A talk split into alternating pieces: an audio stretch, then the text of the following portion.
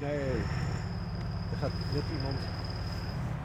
Nou, en dat op een zondagochtend. Ze zijn hier wel van het werken, hè? Ja, er is altijd iets te doen. Hij slaat ook meteen weer af. Ja, dat is een van de techniekdocenten. Die eh, start eh, een of andere pomp. Maar eerst wil ik nog even met jou terugkomen op dat heidehaantje. Ja. Want je vertelde een uur geleden, je hebt al onderzoek naar gedaan in jouw studententijd. Vertelde al eh, dat dat eigenlijk heel lang geleden is. Hoe lang, daar gaan we nooit achter komen. Maar geloof me, het is heel erg lang geleden. En die beestjes hebben dus een soort sensor op hun kopjes zitten. Nou, achter op de kop. Achter op de kop. op de, de hersen. Ja, Ja, ja, en ja. dat bepaalt dan, als er een hoeveelheid licht is, Ja. en, of eigenlijk een tekort aan licht, dan denkt ze, ik ga slapen. Exact. Ja, dat- maar waarom heb jij bij dat onderzoek, want het was een onderzoek naar winterrust, destijds voor het heidehaantje gekozen? dat Oh ja. is een beest, ja, dat verwacht je niet dat je daarvoor kiest.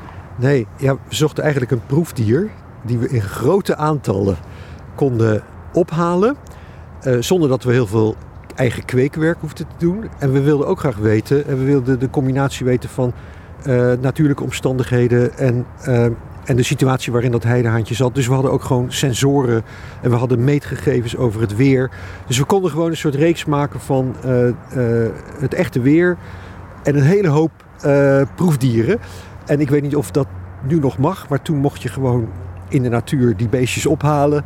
Eh, tegenwoordig zijn er hele strikte regels voor het eh, gebruik van proefdieren. En misschien mag het nou niet meer. Nee, maar het was een makkelijk diertje voor jullie in ieder geval. Net als fruitvliegjes voor veel onderzoek Ja. eh, ook gebruikt worden. Die zijn ook snel te kweken enzovoort. Dus ook heel praktisch. Exact. Dat, die, die resultaten, dat heeft het opgeleverd. Hè? Want jullie hebben ervan geleerd. Jullie konden wat zien aan de, de hersenactiviteit. En het een en ander dat daadwerkelijk uitzette en weer kleiner werd als het kouder werd, geloof ik. Hè?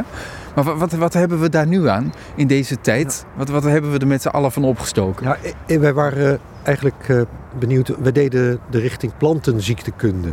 En dan ben je eigenlijk aan het nadenken over eh, wat zijn nou, ja, wat, wat zijn nou mortaliteitsfactoren van insecten. Dus waaraan gaan ze dood, natuurlijk of niet. En ja, wij, wij waren eigenlijk benieuwd.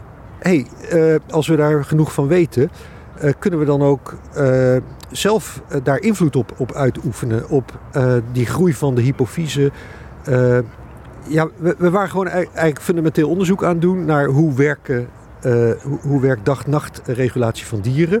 Maar het had ook eigenlijk wel ergens een economisch tintje. Maar we zijn daar niet verder in gegaan. Nee, het is gestopt. we hebben het gelaten bij de wetenschappelijke constatering dat het klopte. We hebben ook heel veel literatuur natuurlijk bekeken. Nou, we herkenden gewoon eh, wat er was.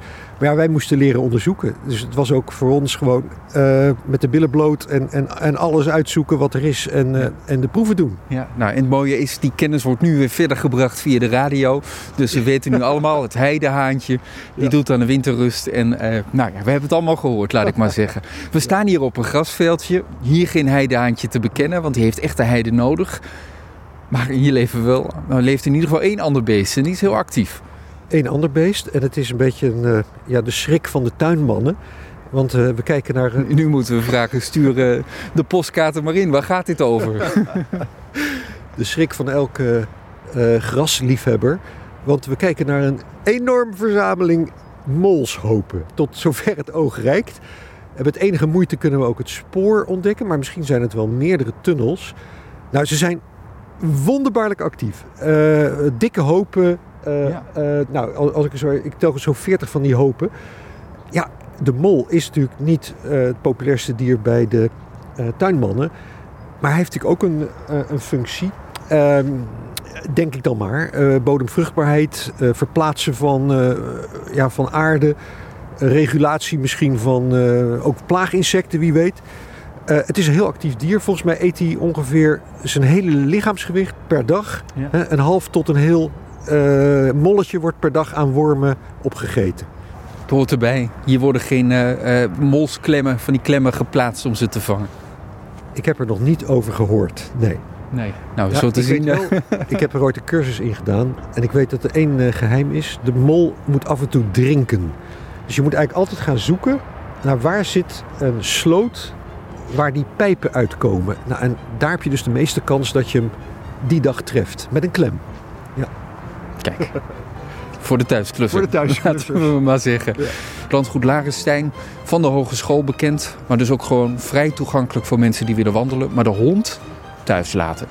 ja, van harte welkom. Op zoek naar die Chinese boom bijvoorbeeld, die in één nacht al zijn bladeren is verloren. Ik dank je wel voor een mooie ochtend. Oké, graag gedaan, Laurens. Dank je.